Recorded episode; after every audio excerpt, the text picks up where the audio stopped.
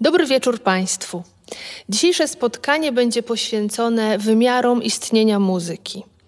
Zajmę się dwoma wymiarami, o których najczęściej piszą filozofowie muzyki i muzykolodzy.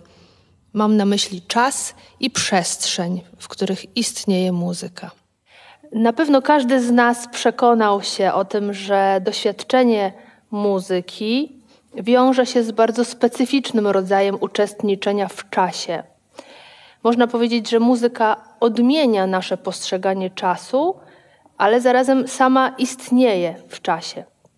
I te dwie kwestie bardzo ściśle się łączą, chyba nawet są nierozdzielne, bo w żywym doświadczaniu dźwięków przez nas można powiedzieć, że czas muzyki utożsamia się z czasem naszego subiektywnego doznania.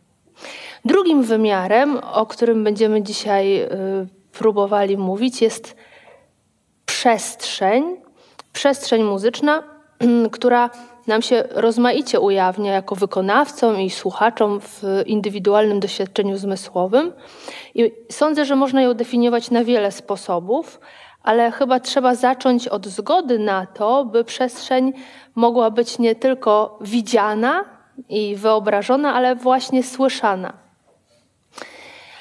Czas jest takim namacalnym, fizycznym wymiarem muzyki, a o jej przestrzeni sądzę, że możemy mówić raczej metaforycznie, posługując się intuicją i wyobraźnią. Sądzę też, że muzyka całkiem nieźle ilustruje niezdolność naszego umysłu do wyjścia poza przestrzeń i czas jako a prioryczne formy y, poznania. Mówimy i piszemy o przestrzeni muzycznej, ponieważ bez tej kantowskiej formy poznania nie potrafilibyśmy komunikować doświadczenia muzycznego, a nawet pewnie mielibyśmy kłopot z tym, żeby świadomie w nim uczestniczyć. Nasza wyobraźnia jako słuchaczy tworzy więc taki miraż przestrzeni, mm, może właśnie dlatego, że nie radzi sobie ta wyobraźnia z czystym doświadczeniem zanurzenia w czasie. Czy ten czas muzyczny mamy postrzegać w oderwaniu od czasu realnego? A może muzyka właśnie mówi nam coś bardzo istotnego o czasie realnym? Proszę zauważyć, że filozofowie często i chętnie odwołują się do ilustracji muzycznych, gdy opisują strukturę czasu przeżywanego w świadomości. Bardzo Taka znana ilustracja pochodzi od Husserla, który wprowadza pojęcie retencji i protencji, kiedy mówi o tym, że mamy sobie wyobrazić teraz jako taki punkt, z którego mm, nasza świadomość mm, jakby wyprzedza te zdarzenia, które mają nastąpić, to jest właśnie protencja, ale też utrzymuje w żywej pamięci to, co przed chwilą było, i to jest retencja. I nic tak dobrze jak muzyka nie ilustruje tej właśnie analizy czasowości Husserla. I właściwie można też powiedzieć, że wielu filozofów muzyki odwołuje się do Husserla, żeby wytłumaczyć, na czym polega rozumienie muzyki. Takie rozumienie intuicyjne, które polega na tym, że słuchacz po prostu rozpoznaje coś, co brzmi aktualnie, jako kontynuację czegoś, co właśnie wybrzmiewało i spodziewa się w związku z tym, że coś niebawem musi się wydarzyć. O muzyce, pisząc o czasie, wypowiadał się także Bergson. Zacytuję fragmencik. Słuchajmy melodii, dając się jej ponieść. Czyż nie mamy wyraźnego postrzeżenia ruchu, który nie jest związany z poruszającym się przedmiotem i zmiany, chociaż nie ma czegoś, co się zmienia. Koniec cytatu. Ale to dzisiejsze spotkanie ma jeszcze jedną bohaterkę, szczególną bohaterkę, jest nią cisza. Aby pojawił się dźwiękowy konkret, potrzebna jest relacja pomiędzy nim a niebytem. I właśnie dlatego dzisiejsze spotkanie rozpoczęło się inaczej od tych poprzednich, które zawsze niewerbalnie rozpoczynałam muzyką, mm, aby uczcić ciszę. I zacytuję teraz wypowiedź mm, wybitnego dyrygenta i pianisty Daniela Barenboima, y, który nie tylko doskonale interpretuje muzykę, ale teraz, ale również bardzo inteligentnie, zupełnie jak taki wnikliwy umysł filozoficzny o niej pisze. W wydanej po polsku książce Paralele i paradoksy właśnie tak mówi o muzyce. Dźwięki ciążą ku ciszy w ten sam sposób, co przedmioty ku ziemi. Gdy jako muzycy przyjmujemy ten pogląd, pozostaje nam jeszcze przeciwstawienie się prawom fizyki. Dlatego odwaga jest inter, integralną częścią grania muzyki. Granie muzyki jest aktem męstwa, ponieważ próbujemy przeciwstawić się wielu naturalnym regułom fizycznym. Pierwsza dotyczy ciszy. Jeśli chce się utrzymać dźwięk, jeśli chce się stworzyć napięcie, którego źródłem jest brzmienie, mamy pierwszą więź pomiędzy początkowym dźwiękiem i ciszą, która go poprzedza. Później między pierwszym i drugim dźwiękiem i tak dalej, ad infinitum. Musimy sprzeciwiać się prawom natury. Koniec cytatu. I w tym miejscu chciałabym zaproponować takie może robocze rozumienie muzyki, trochę nawiązując do Heideggera, który mówił o nas, czyli ludziach, że jesteśmy byciem ku śmierci, to może muzyka jest byciem ku ciszy.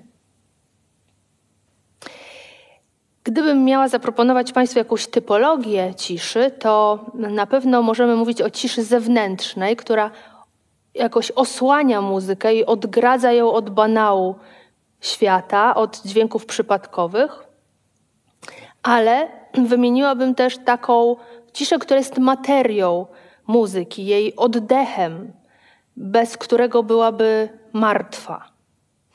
I ma dlatego też wymiar obiektywny, można powiedzieć formotwórczy, bo dzieli narrację muzyczną zgodnie z jakimiś y, znanymi wykonawcom i może świadomie, a może intuicyjnie przyjmowanymi też przez publiczność regułami gry.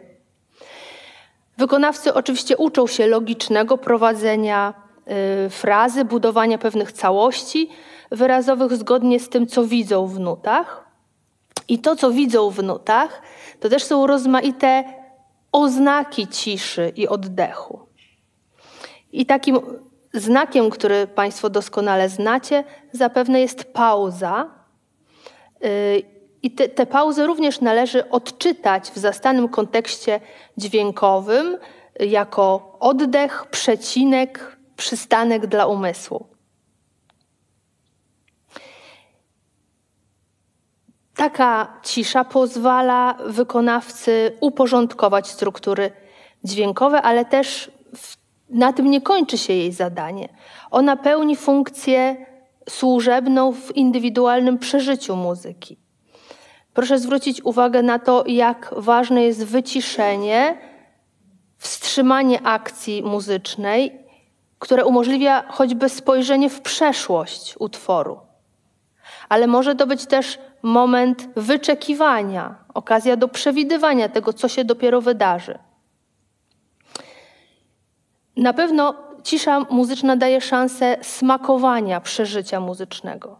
I tutaj się ujawnia jej subiektywny charakter, bo to smakowanie ciszy już zależy bardzo indywidualnie od słuchacza, ale też w doświadczeniu wykonawcy można powiedzieć, że jest czymś, na co albo godzi się publiczność, albo odrzuca to, subiektywne przeżywanie ciszy. Ale na tym etapie, kiedy przeszliśmy od mm, rozumienia estetycznego do egzystencjalnego wymiaru y, ciszy, można też powiedzieć o takim wymiarze, który jest odarty z wszelkiej metafizyki. To jest czysto akustyczna kwestia. Mianowicie mm, ciszę można też analizować jako y, takie zjawisko fizyczne, które pozwala odpocząć od dźwięków. Zdarza się Y, nam jako słuchaczom zmęczenie dźwiękami, nie tylko nauczycielom w szkołach muzycznych, którzy wracając po całym dniu pracy do domu nie chcą słuchać muzyki, Mm, ale zdarza się to nam w przestrzeni publicznej, kiedy mamy niekiedy wrażenie, że jesteśmy atakowani dźwiękami y, i przypominamy sobie y, wówczas to, co tak poetycko ujął, ująłby pewnie Pascal Kiniach, że uszy nie mają powiek. Nie jesteśmy w stanie odciąć się od dźwięków niechcianych. I to, że wspominam tutaj Kiniarda, łączy się z taką jego bardzo kontrowersyjną książką Nienawiść do muzyki, w której on między innymi narzeka właśnie na wszechobecność muzyki w takich kontekstach, gdzie lepiej byłoby trwać w ciszy, zwłaszcza w takim kontekście banalnej codzienności. Ale u Kiniarda też pojawia się bardzo piękna definicja ciszy jako nagrody dla wykonawcy. On uważa, że wielką sprawą dla artysty jest to, że zauważa w czasie koncertu ciszę swojej publiczności. To jest najlepszy dowód na to, że publiczność podąża za muzyką.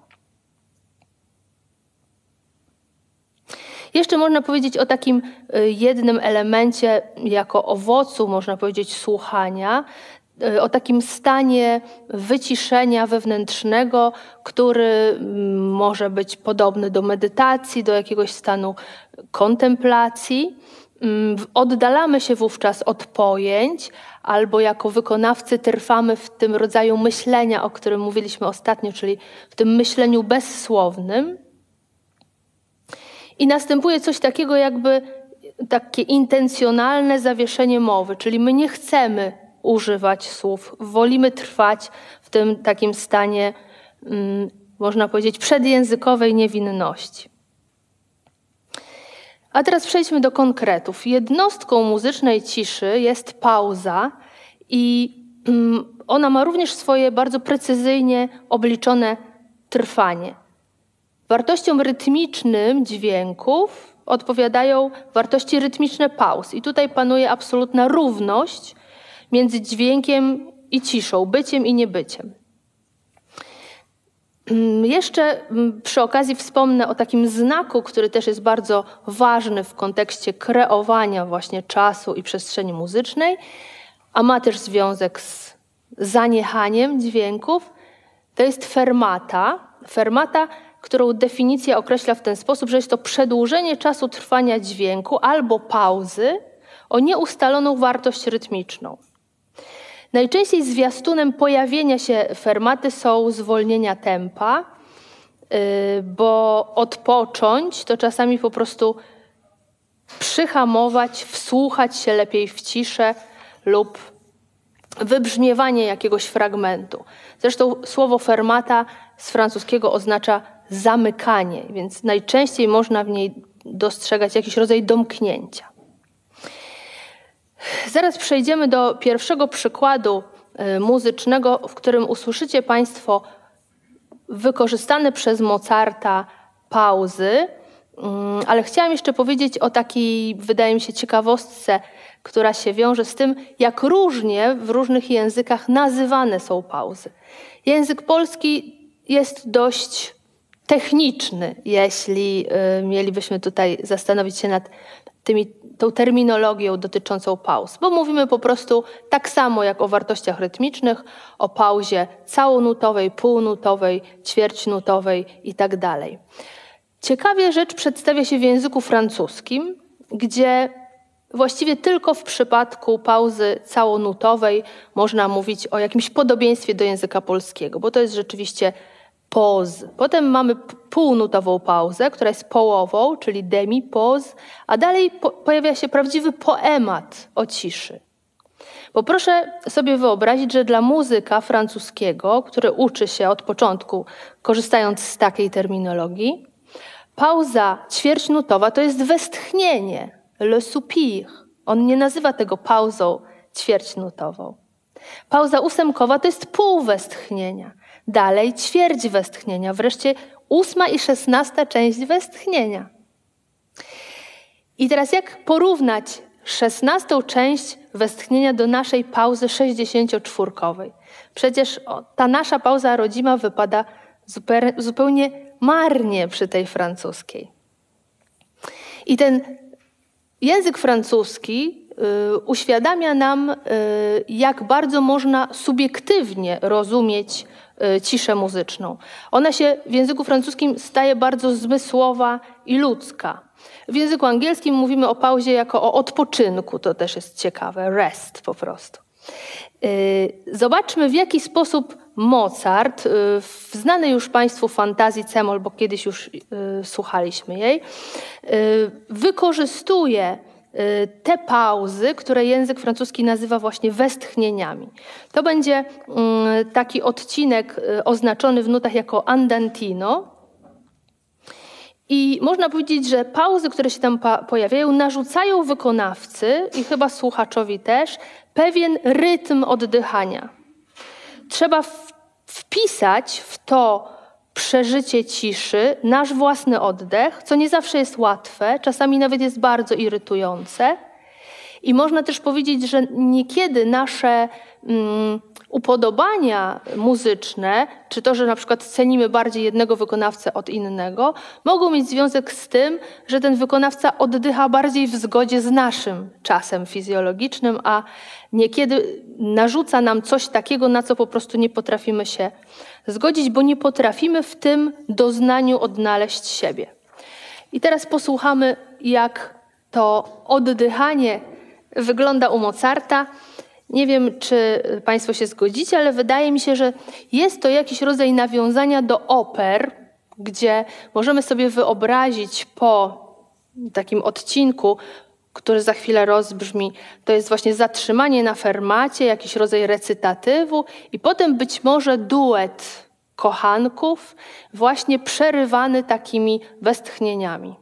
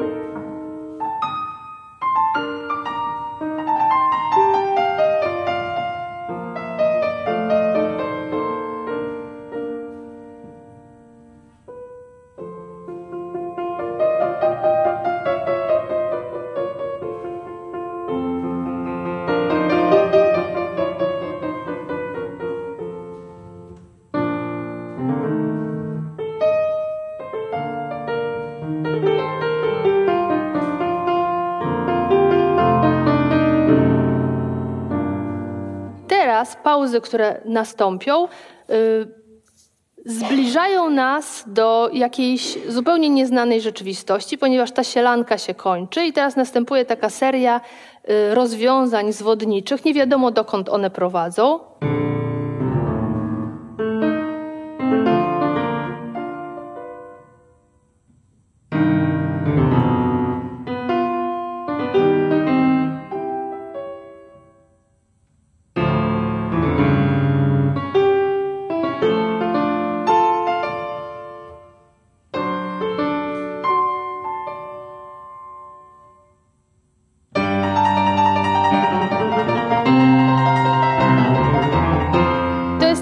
Rzeczywistość, do której nas doprowadziły te westchnienia.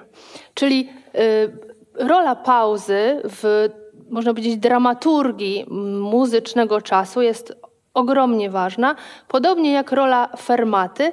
Teraz zagram Państwu początek poloneza fantazji y, Chopina, bo w tym miejscu trzeba przecież pamiętać o Chopinie. I y, posłuchajcie Państwo, jak dzięki fermatom, które kompozytor zaznacza nad akordem, ale również nad pauzami, nasz umysł, nie wiem, odpoczywa albo smakuje to, co było, albo zastanawia się, co było, co będzie dalej. Tutaj co ciekawe, fermata, która się pojawia nad pauzą, pojawia się e, w sytuacji, kiedy trzeba zatrzymać współbrzmienie na pedale, czyli tłumiki nie opadają na struny i my słyszymy jakby mm, alikwoty fortepianu, czyli tony harmoniczne, które też e, tworzą pewną przestrzeń brzmienia.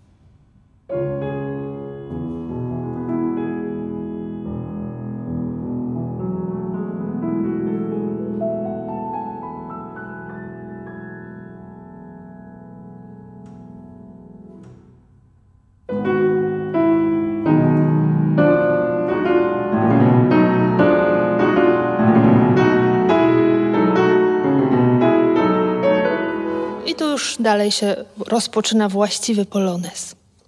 Na pewno możecie sobie Państwo wyobrazić, jak wiele jest scenariuszy, według których można rozegrać ten wstęp. Właściwie każdy wykonawca zupełnie inaczej gospodaruje tutaj mm, czasem muzycznym, właśnie dzięki temu, że jest taka ogromna wolność y, darowana przez kompozytora. Y, bardzo ważne jest też to, w jaki sposób kształtujemy brzmienie nie tylko za pomocą dynamiki, czyli natężenia e, dźwięku, ale też e, dzięki kolorystyce brzmienia, czyli poszukiwaniu różnych odcieni, różnych kolorów, na przykład w obrębie małej dynamiki. Można zagrać piano mniej lub bardziej ciche, mniej lub bardziej matowe, mniej lub bardziej e, błyszczące. Teraz chciałabym się zatrzymać y, nad takim zjawiskiem, które też wydaje mi się szczególnym efektem, można powiedzieć efektem specjalnym, y, stosowanym przez y, kompozytorów po to, aby mm, jakoś zasadniczo wyrzeźbić tą muzyczną przestrzeń i czas, ale to też ma związek z ciszą. I chciałabym zacytować wypowiedź już Państwu znanego Daniela Barenboima, który jakoś szczególnie wyróżnia spośród kompozytorów Beethovena, bo uważa, że on jako pierwszy zaczął świadomie grać tym efektem specjalnym, a jest tym efektem specjalnym subito piano, czyli nagłe piano. Beethoven, twierdzi Barenboim, był naprawdę pierwszym kompozytorem, który zastosował efekt długiego crescendo, czyli narastania dźwięku, i subito piano, spadku dynamiki. Trzeba wiele odwagi i energii, by crescendo doprowadzić do końca, jakby chciało się dojść do przepaści i w ostatniej chwili się zatrzymać. Łatwym sposobem jest obniżenie napięcia pod koniec. Podobnie rzecz się ma w odniesieniu do crescendo prowadzącego do fortissimo. To rzecz najtrudniejsza, mieć kontrolę nad crescendo, budować je stopniowo, tak by zostało dość na koniec. To tak, jakbyśmy wyciskali pomarańcze. Najtrudniej jest ostatnią kroplą, podobnie jest z dźwiękiem. I dlatego uważam, że odwaga i pewien element walki są integralną częścią interpretacji. Koniec cytatu. Można więc powiedzieć, że kiedy kompozytor zaznacza w nutach nagłe subito wyciszenie, decyduje się na środek radykalny. Crescendo, czyli narastanie dynamiczne, możemy sobie rzeczywiście wyobrazić jako, mm, jeżeli chcemy sobie to wyobrazić przestrzennie, jako drogę na szczyt. Subito piano byłoby takim znalezieniem się na krawędzi albo nagłym pojawieniem się y, niezmierzonego, spokojnego horyzontu. Barenboim zwraca nam uwagę na tę ostatnią kroplę, ten moment szczytu narastania dźwięku, który zyskuje pełnię właśnie dzięki temu, co wydarzy się ułamek sekundy później, czyli dzięki temu nagłemu wyciszeniu. I tutaj się pojawia taki bardzo y, cenny wątek w jego refleksji. On mianowicie zastanawia się nad etyką wykonania i mówi o tym, że to nie jest tylko kwestia odwagi, żeby tak realizować dynamikę zapisaną przez kompozytora, jak rzeczywiście to w nutach zostało przewidziane, ale to jest kwestia uczciwości, kwestia niepójścia na łatwiznę, nie sięgania po tandetne środki wyrazowe. I to też jest jeden z tych elementów, który można powiedzieć jest oceniany przez jurorów w czasie rozmaitych konkursów, którzy mają punkt odniesienia wobec tego, jakby do czego powinny zmierzać intencje wykonawcze, ponieważ wiedzą, co jest zapisane w nutach. I dlatego zacytuję Państwu jeszcze taki fajny fragment y, wypowiedzi Barenboima, jak crescendo w połączeniu z subito piano zagrałby tchórz. Zrealizowałby crescendo tylko do pewnego stopnia, tak by nie stanąć nad przepaścią, lecz kilka metrów od niej, a później szedłby do piano. I znowu wspomina Beethovena. Kiedy Beethoven pisze crescendo, a potem subito piano, ostatnia nuta przed subito piano musi być najgłośniejszą nutą crescendo. Potrzeba tu odwagi, bo jest to trudne do urzeczywistnienia. Trudno kontrolować dźwięk, trudno zagrać piano subito. Dużo wygodniej zrealizować crescendo tylko do pewnego momentu, a później pozwolić mu opaść i potem łagodnie przejść w piano. Ale nie ma wtedy efektu znalezienia się nad przepaścią. Spróbuję zaprezentować teraz Państwu trzy przykłady takich sytuacji spotkania nagłego spotkania dynamiki dużej z małą. Mm, te przykłady nie będą związane z efektem stanięcia nad przepaścią być może, ale mam nadzieję, że to będą ilustracje właśnie takiego kontrastu, który jest interesujący i trudny dla wykonawcy do zrealizowania. To będą krótkie cytaty z cyklu Chrysleriana. Pierwszy przykład będzie właśnie takim spotkaniem dynamiki dużej z subito piano.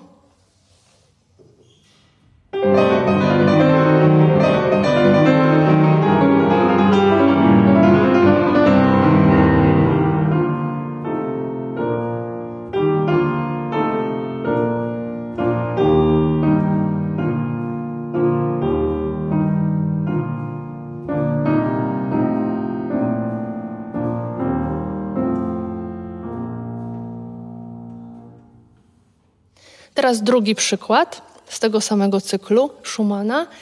Mm, usłyszymy po takim dosyć długim odcinku y, brzmiącym w dużej dynamice spotkanie forte z piano w takiej ciekawej sytuacji, kiedy słychać jeszcze w basie y, oktawę, która jest uderzona w, w dynamice forte i na tym tle rozbrzmiewa y, taka bardzo delikatna struktura w piano.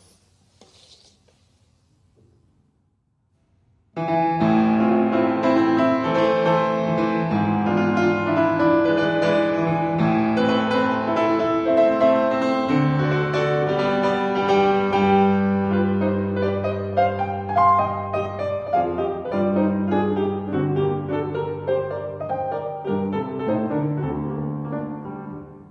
jeszcze trzeci przypadek spotkania y, dużej dynamiki z dynamiką małą. To będzie takie spotkanie fortissimo z pianissimo po tonacji molowej, przejście do tonacji durowej i właśnie zmiana nastroju, zmiana barwy.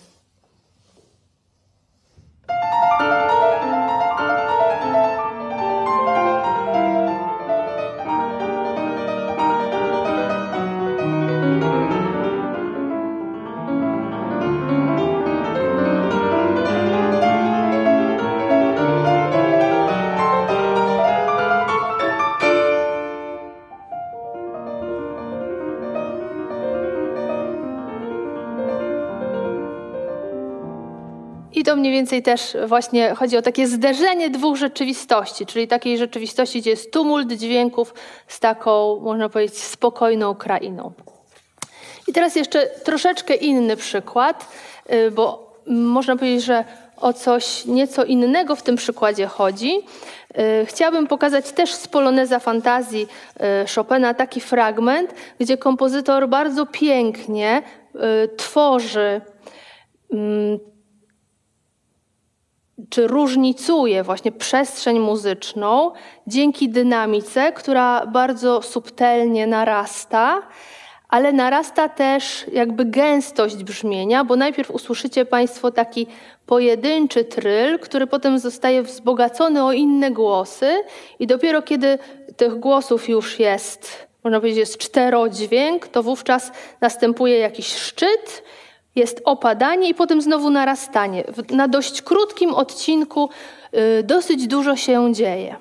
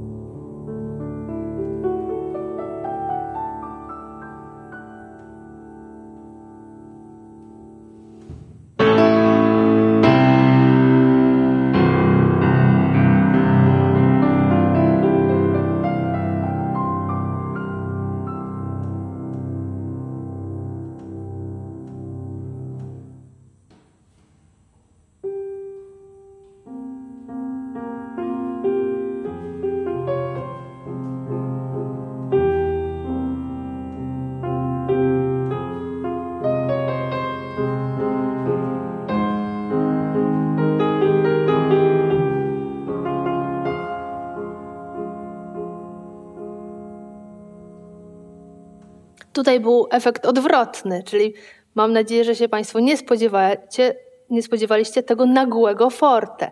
Ja oczywiście trochę przesadziłam, ale y, właśnie chciałam wykorzystać tę możliwość, którą zapisał y, w nutach kompozytor.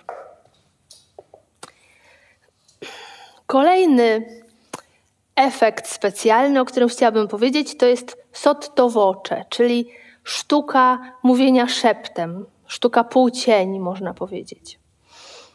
Jest taka książka Władimira Żonkelewicza, francuskiego y, muzykologa i filozofa muzyki, która nosi tytuł, można by po polsku powiedzieć, Muzyka i godziny. I on w tej książce bardzo pięknie opisuje twórczość różnych kompozytorów i przypisuje rozmaite utwory do pór dnia. I y, radzi nam na przykład abyśmy słuchali nokturnów forę y, dla ilustracji romantycznej nocy, a ciszę wieczoru wypełniali nokturnami Chopina. Y, ale pisze też bardzo pięknie o ciszy muzycznego poranka. I uważa, że ten muzyczny poranek y, powinna charakteryzować ostrożność, by nie powiedzieć zbyt wiele i by nie mówić podniesionym głosem. I znajduje taką twórczość, jest nią twórczość kompozytora, którego utworami zamknęłam nasze ostatnie spotkanie, czyli Erika Satiego. I Żonkelewicz znajduje kilka przykładów, przede wszystkim też dosyć znane melomanom y, gymnopedie i taki cykl Gnosien, który charakteryzuje się tym, że nawet w nutach tam się pojawiają takie osobliwe wskazówki wykonawcze, y, jak choćby sugestie, by grać z oddali, nie robiąc hałasu, zatajając dźwięk. I to wszystko ma służyć takiej mm, zamglonej, można powiedzieć półprzytomnej muzyce Satiego, mm, której e, Jean Kelewicz każe rozbrzmiewać o świcie. I mówi, że ten duch tłumika, dokładnie określenia takiego używa, esprit de la sourdine, ma się wpisywać w niewinność poranka i resztki nocnego wyciszenia. I to, co teraz Państwo usłyszycie, to jest tylko w ramach przypomnienia, bo wydaje mi się, że to jest muzyka znana dobrze, choćby z radia. Zapewne Państwo sobie przypomną ten utwór.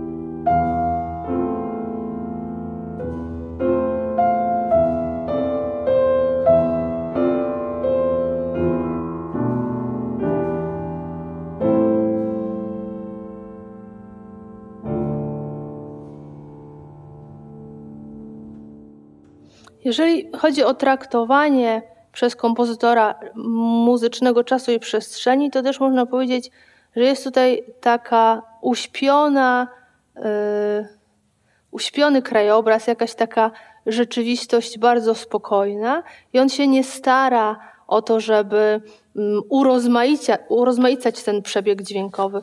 Podobnie jest w dwóch innych przykładach, o których pisał nam Jean Kelewicz. Y, to będzie fragmencik pierwszego Gnosien,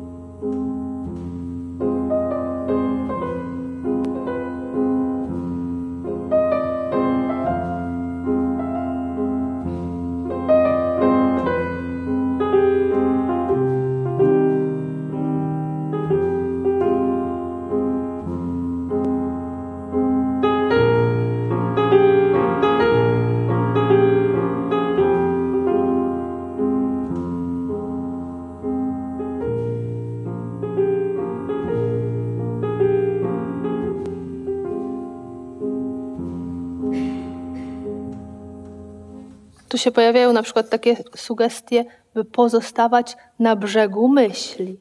No. I inny przykład.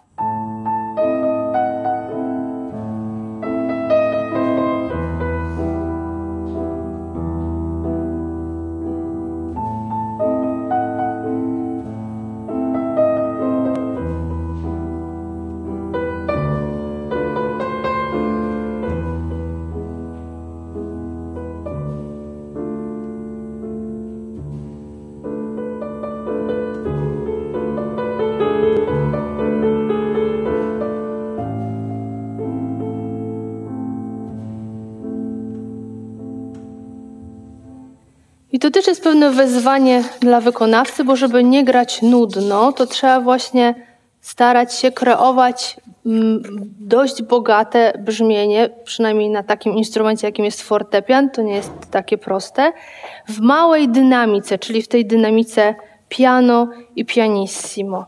I jeszcze skoro już jesteśmy we Francji, jeden przypadek takiego poszukiwania kolorów właśnie w najmniejszej dynamice. Y, w utworze Debussy'ego dzwony brzmią poprzez liście, sama końcówka.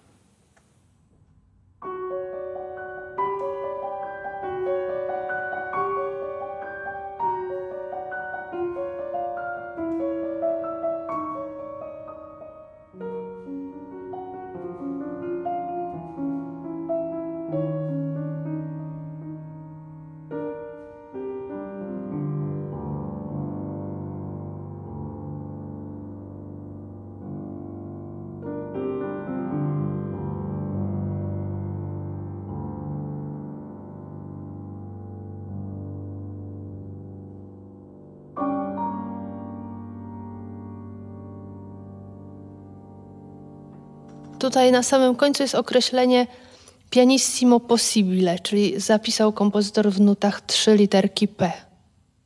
Podobno wszystko zaczęło się od eksperymentu, jakiemu pewien kompozytor poddał się w 1951 roku na Uniwersytecie Harvarda. Chcąc sprawdzić, czy możliwa jest cisza absolutna, wszedł do komory antypogłosowej, która tłumi wszelkie wydane w niej dźwięki, izolując jednocześnie od dźwięków zewnętrznych. I wcale nie usłyszał w kabinie ciszy absolutnej, ale dwa dźwięki, wysoki i niski. Źródłem tych dźwięków był jego własny układ nerwowy i przepływ krwi przez ucho środkowe.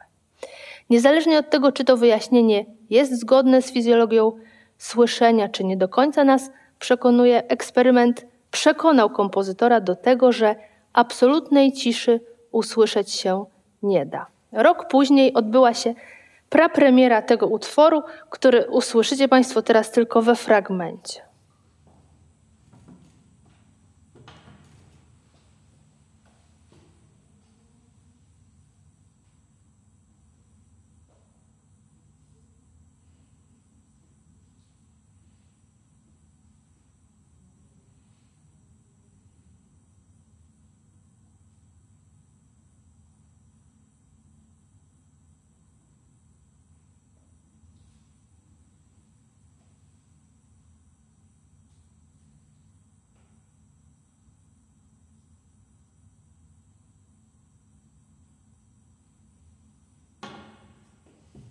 Miałam nadzieję, że ktoś zakaszle chociaż.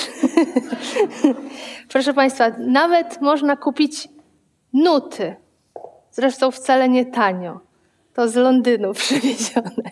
4,33 Johna Cage'a. Tutaj jest y, dokładny przepis, jak wykonać te trzy części, bo ten utwór jest trzyczęściowy i każda część jest określona precyzyjnie czasowo, tak żeby mm, w całości dało nam to 4 minuty i 33 sekundy. No i oczywiście jest bardzo dużo interpretacji tego, co poeta miał na myśli. Y, I takie najbardziej znane to chyba można powiedzieć są dwie następujące, że mm, ten utwór jest jakimś takim manifestem zaniechania grania, od, odmowy muzykowania. A druga interpretacja to po prostu to, byśmy sobie wszyscy uświadomili, że my sami tworzymy muzykę. Właśnie to, że ktoś e, zakaszle, ktoś się zaśmieje, szura butami, to również te dźwięki niechciane mogą być muzyką.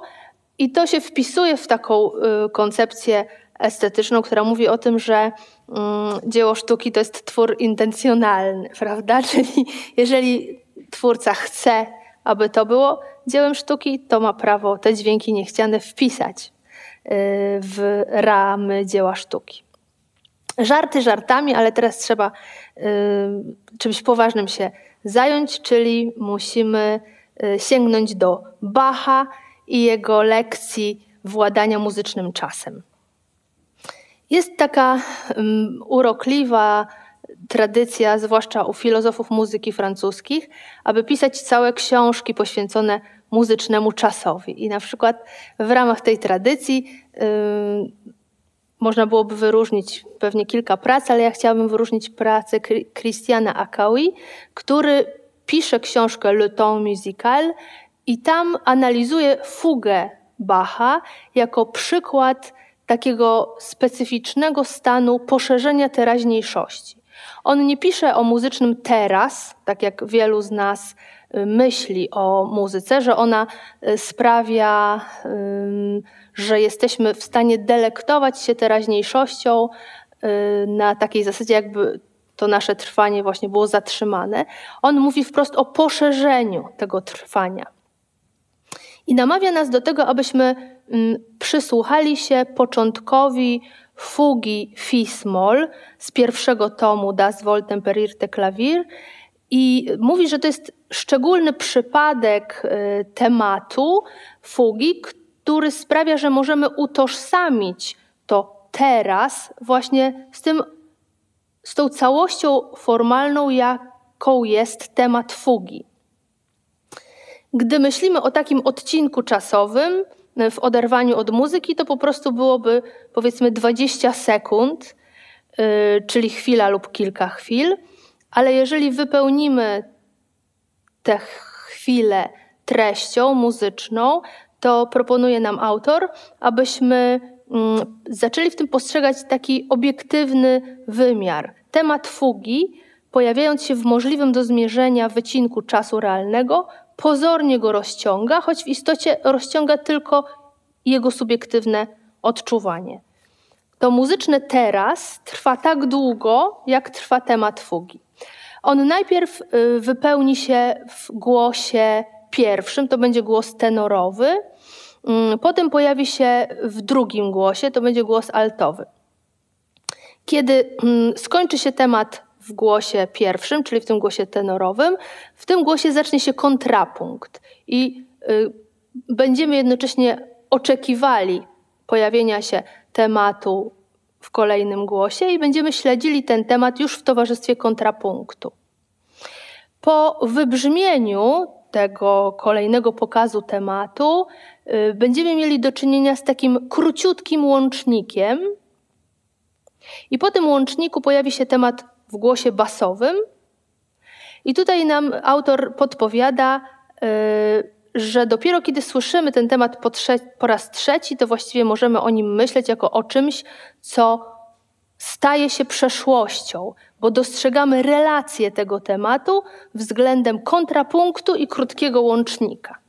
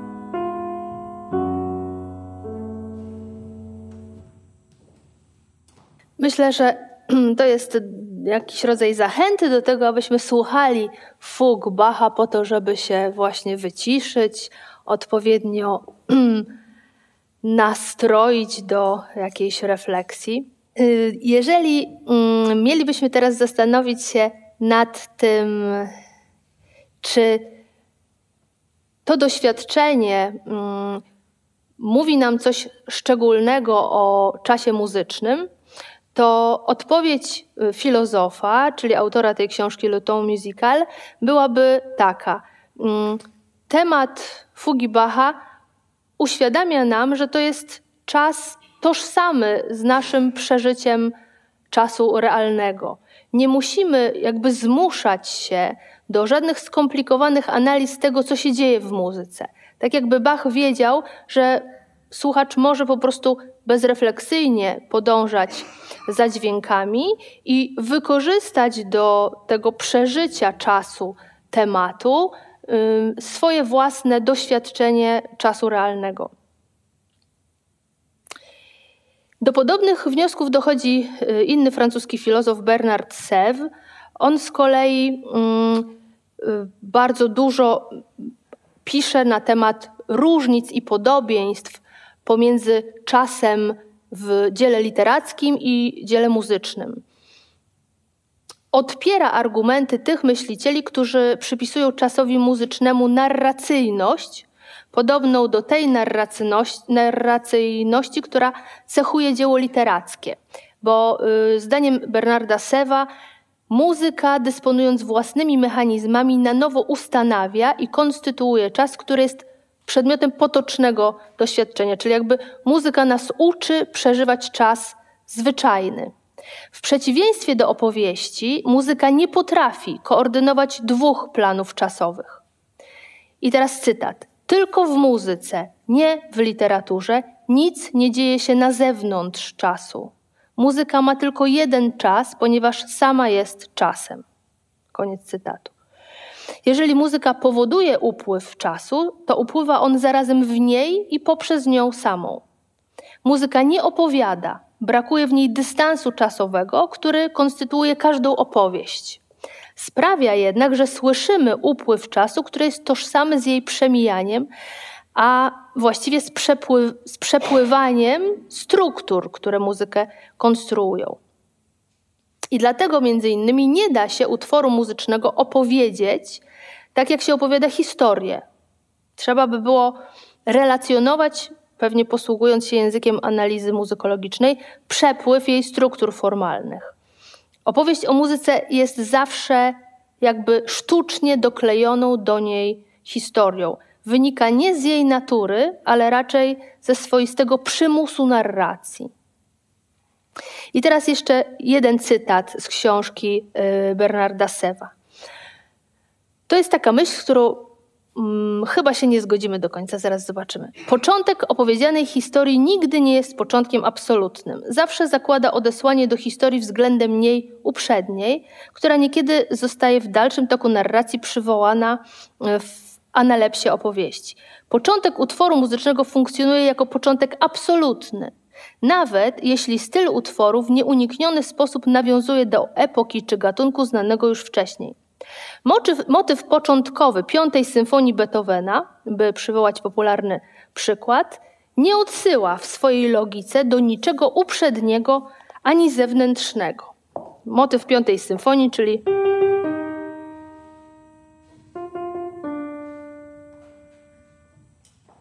I teraz chciałabym zacytować innego y, myśliciela, też już dzisiaj wspominanego artystę Daniela Barenboima, który nie powołuje się na te refleksje Sewa, ale najwyraźniej się nie zgadza z takim tokiem rozumowania, ponieważ on w muzyce y, znajduje przykłady początków absolutnych i nazywa je egzemplifikacją bycia, i przykłady stawania się,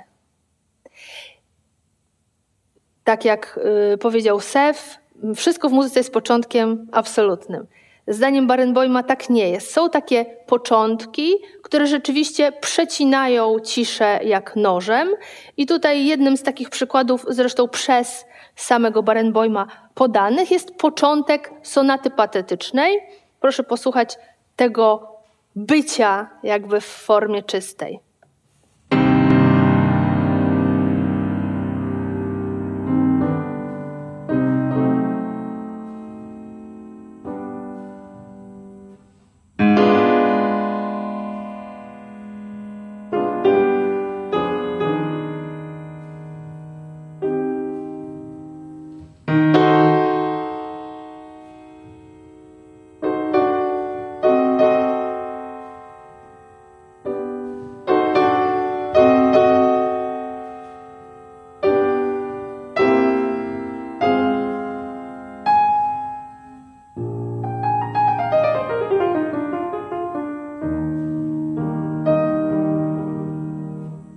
Barenboim podaje również inne przykłady stawania się, y, wzięte z beethovenowskich sonat, ale ja postanowiłam pokazać, jak to wygląda w przypadku Schuberta. Jest taka sonata, którą tutaj już cytowałam, ale tylko jej wolną część, y, środ... znaczy nie środkową, tylko drugą. Y, natomiast chciałabym teraz pokazać początek ostatniej sonaty Bedur który wydaje mi się jest doskonałym przykładem stawania się. Kiedy o tym pisze Barenboim, każe nam sobie wyobrazić, że są takie utwory, które jakby trwały już wcześniej, tak jakbyśmy wsiadali do tramwaju, który już lekko jedzie i mamy poczucie, że wsiadamy w biegu.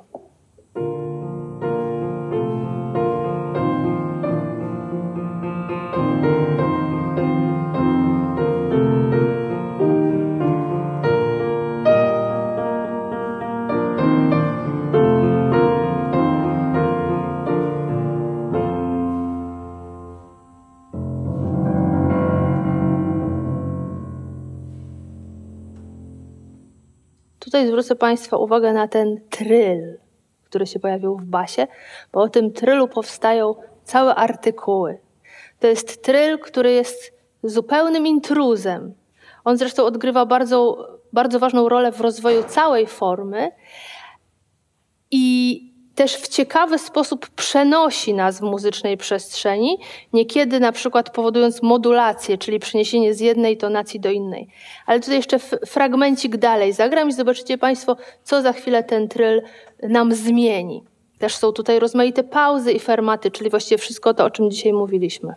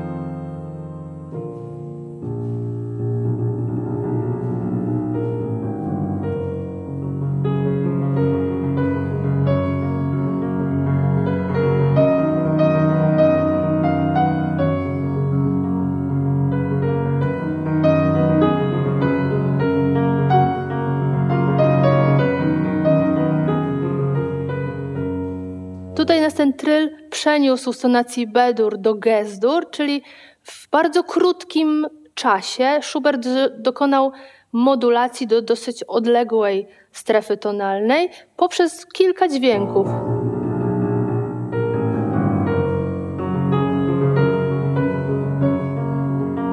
Bardzo proste rozwiązanie. Tutaj chciałam też pokazać ciekawe zjawisko, które zachodzi w pewnym momencie w przetworzeniu tej sonaty. Y, na ogół przetworzenia kojarzą nam się z jakimś ogromnym narastaniem napięcia, y, dążeniem do kulminacji, a tutaj bardzo dużo się dzieje w półcieniach właśnie, w dynamice pianissimo i pianissimo possibile. I ten fragmencik, który zagram, to będzie zakończenie przetworzenia, wcale nie w postaci kulminacji, w, post w, w roli której najczęściej pojawia się fortissimo, tylko właśnie totalne wyciszanie i powrót tematu w repryzie. Posłuchajmy, jaką rolę też tu odgrywa ten tryl.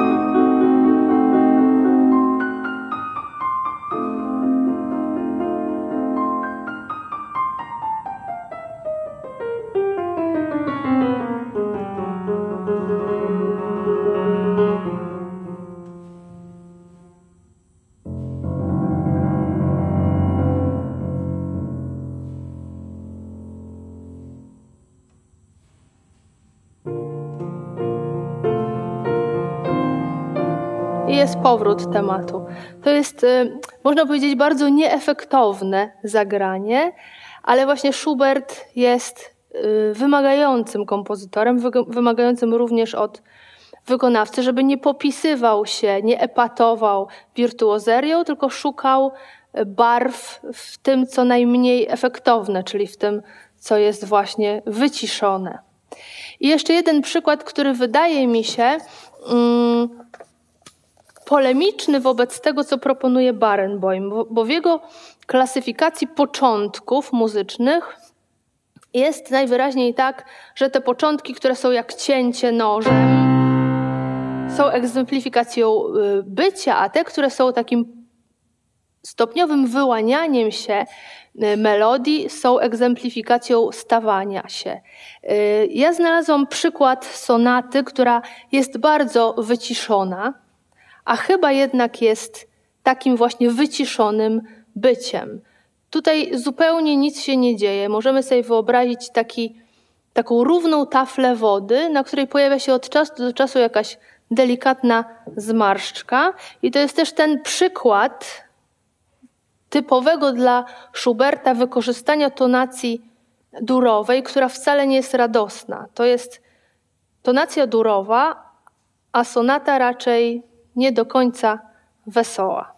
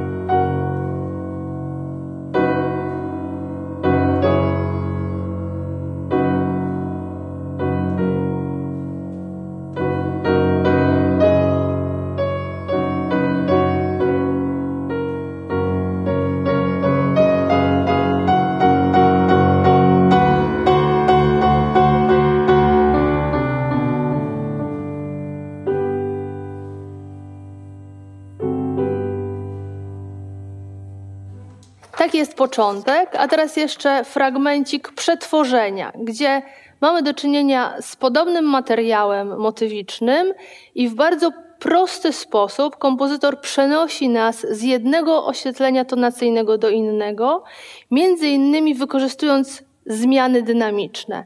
Proszę posłuchać takiego króciutkiego fragmenciku, w którym dość dużo się dzieje właśnie w ramach tej przestrzeni muzycznej.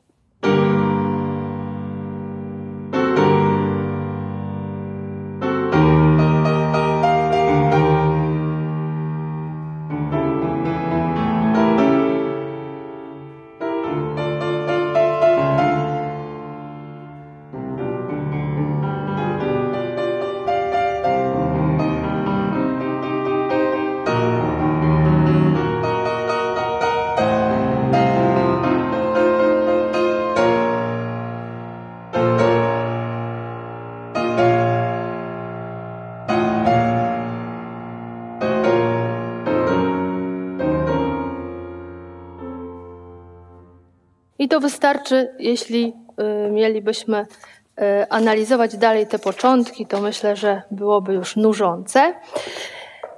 Zbliżamy się do końca y, naszych rozważań. Chciałabym tylko jeszcze zacytować Rogera Scrutona, filozofa brytyjskiego, który jest, można powiedzieć, specjalistą od muzycznej przestrzeni. I on uważa, że to jest pewnie kwestia bardziej wiary, to, żebyśmy sobie y, słuchając następstwa uporządkowanych w czasie dźwięków, y, wyobrażali, że w rzeczywistości mamy do czynienia z melodią, która porusza się w pewnej wyobrażonej przestrzeni muzyki. Stwierdzenie tego ruchu to jest właśnie kwestia wyobraźni. Ta zdolność, można powiedzieć, odróżnia muzykalnego słuchacza od zwierząt, także zdolnych do reakcji na zmiany wysokości dźwięków, lecz pozbawionych wyobraźni. Jak pisze Małgorzata Szyszkowska, cytat, według Scrutona w doświadczeniu dzieła muzycznego mamy do czynienia z tak zwanym podwójnym widzeniem, seeing as, a w tym przypadku z podwójnym słyszeniem. Chodzi o umiejętność rozpoznawania złożonych całości w elementach prostych, których jednak nie traci się z oczu.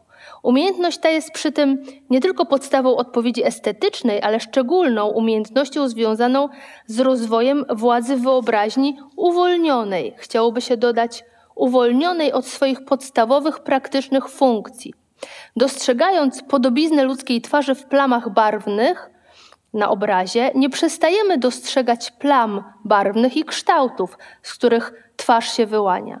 Można przypuszczać, że ten mechanizm jest całkowicie demokratyczny, gdyż, to już ja od siebie dodam, nie ma tutaj znaczenia, czy nazywamy te struktury, które słyszymy, za pomocą terminologii muzykologicznej. Mm, istotne jest to, że wyczuwamy pewne ciążenia, pewne y, rozwiązania, które, do których przywykliśmy dzięki konwencjom słuchania muzyki w naszej kulturze. I ten miraż przestrzeni jest czymś nieuniknionym nie tylko w potocznym mówieniu o muzyce, ale nawet w, w mówieniu o muzyce językiem muzykologicznym. Albo wtedy, kiedy mówimy do ucznia na lekcji i chcemy mu pomóc w zagospodarowaniu y, utworu muzycznego, to również odnosimy się do y, tego mirażu przestrzeni, po to, aby on uporządkował w jakimś wyobrażonym y, kontinuum te klocuszki, z których zbudowany jest utwór muzyczny. Teraz jeszcze już zbliżając się do końca, jeden przykład przestrzeni, który pochodzi od Debussy'ego. To będzie przykład mm, preludium Sztuczne ognie. Wiadomo, że ten tytuł sam nam podpowiada, co dzieje się w utworze, ale chciałabym, żebyście zwrócili Państwo uwagę, jak tutaj są wykorzystane różne rejestry brzmienia fortepianu y, do budowania tej przestrzeni, no i oczywiście także dynamika.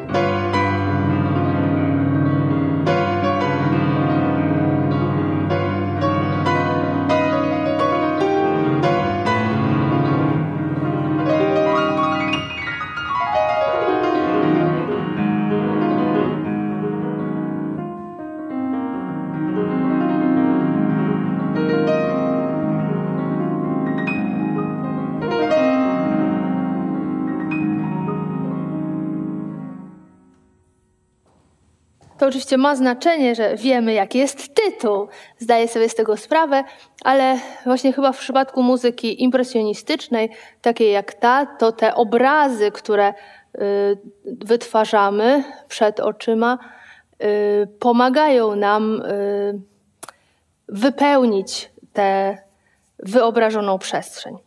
I na samym końcu chciałam Państwu pokazać urządzenie, które może też znacie to jest bardzo bezduszne urządzenie, nazywa się metronom. Y, bardzo pięknie powiedział kiedyś coś w kontekście tego urządzenia Ignacy Jan Paderewski. Nasz ludzki metronom, serce pod wpływem wzruszeń przestaje bić regularnie, co fizjologia nazywa arytmią. To jest chyba jedyna wypowiedź na temat metronomu, która niesie jakieś poetyckie przesłanie. I uświadomiłam sobie, że to jest bardzo głębokie, bo gdy serce nazwie się metronomem, to całego człowieka można zacząć postrzegać muzycznie i to może świadczyć o wsłuchiwaniu się poprzez muzykę w siebie i w rzeczywistość. I o tym może też świadczyć, że muzyka jest po prostu bardzo ważna dla kogoś, kto jej poświęca czas i życie. Y, strumień dźwięków i napięcia, które niesie na przykład fraza muzyczna, mm, często ujawniają nam, gdy jesteśmy zasłuchani, pewne podobieństwo muzyki do struktury naszych emocji. Nasz puls i oddech dostosowują się do pulsu i do oddechu frazy. Słuchacz pozwala prowadzić się dźwiękom i ulega ich immanentnemu czasowi.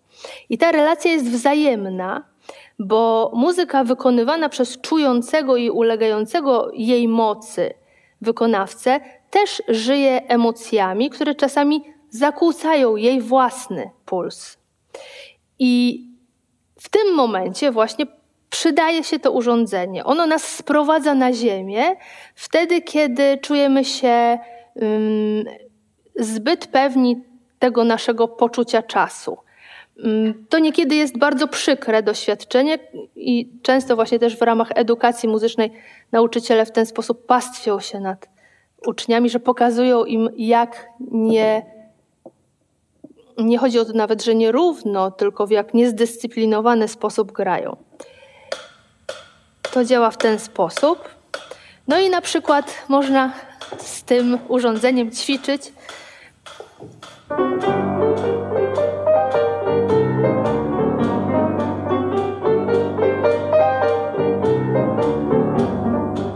Ale żadnego zwolnienia już tu robić nie można. I nie do końca jest to prawdą, że to, co przed chwilą zagrałam, było takie idealne i precyzyjne, bo można też spojrzeć na sprawę inaczej, że to jest nieludzkie, prawda? Że ludzkie granie zakłada właśnie pewien rodzaj odejścia od tego rygoru. I teraz chciałabym y, zacytować myśl, która na szczęście tę moją intuicję w jakiś sposób potwierdza. I ona dotyczy w ogóle tempa, jako też bardzo ważnego wymiaru, w którym realizuje się wykonanie muzyczne. To treść określa tempo. I znany nam już Daniel Barenboim mówi w taki sposób: Tempo zawsze zależne jest od treści, a wielu muzyków popełnia fatalny, moim zdaniem, błąd, decydując najpierw o tempie. Biorą tempo metronomiczne, najczęściej takie, które jest zapisane w nutach w nawiasie, na przykład ćwierćnuta równa się 120, czyli 120 uderzeń na minutę Mm, a więc biorą tempo metronomiczne podane przez kompozytora. Tempo, które jest najczęściej zbyt szybkie, bo kompozytorzy pisząc tempo metronomiczne nie znają jeszcze ciężaru dźwięku. Mają w głowie jedynie swoje wyobrażenie. Wiersz, który znasz na pamięć, możesz w, myślać, w myślach powiedzieć w ciągu dwóch sekund, choć nie dałoby się go przeczytać w tym czasie. Dlatego oznaczenia metronomiczne kompozytorów są często zbyt szybkie – nawet u kompozytorów o takim doświadczeniu dyrygenckim jak Pierre Boulez. On właśnie wyjaśnił tę kwestię w sposób czarująco francuski.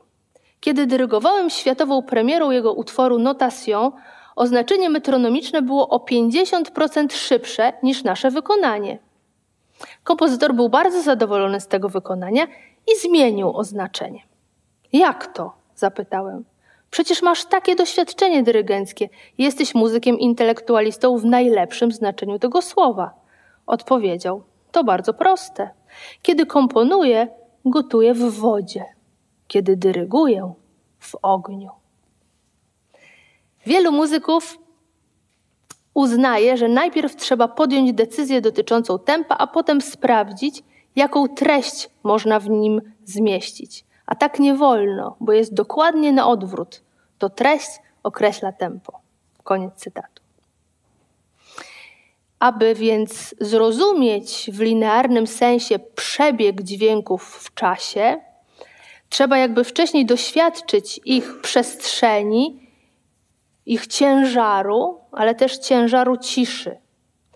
I to, że niekiedy bezrefleksyjnie muzycy podążają za tempem metronomicznym albo za jakąś sugestią, mm, skutkuje tym, co będziemy omawiać na następnym naszym spotkaniu, kiedy będziemy mówili o różnych interpretacjach i też o pewnych błędach, które możemy y, w pewien sposób skodyfikować, jeżeli mamy zamiar chociaż troszeczkę przybliżyć się do tego, jakimi kryteriami mogą operować, powiedzmy, jurorzy konkursów czy krytycy muzyczni.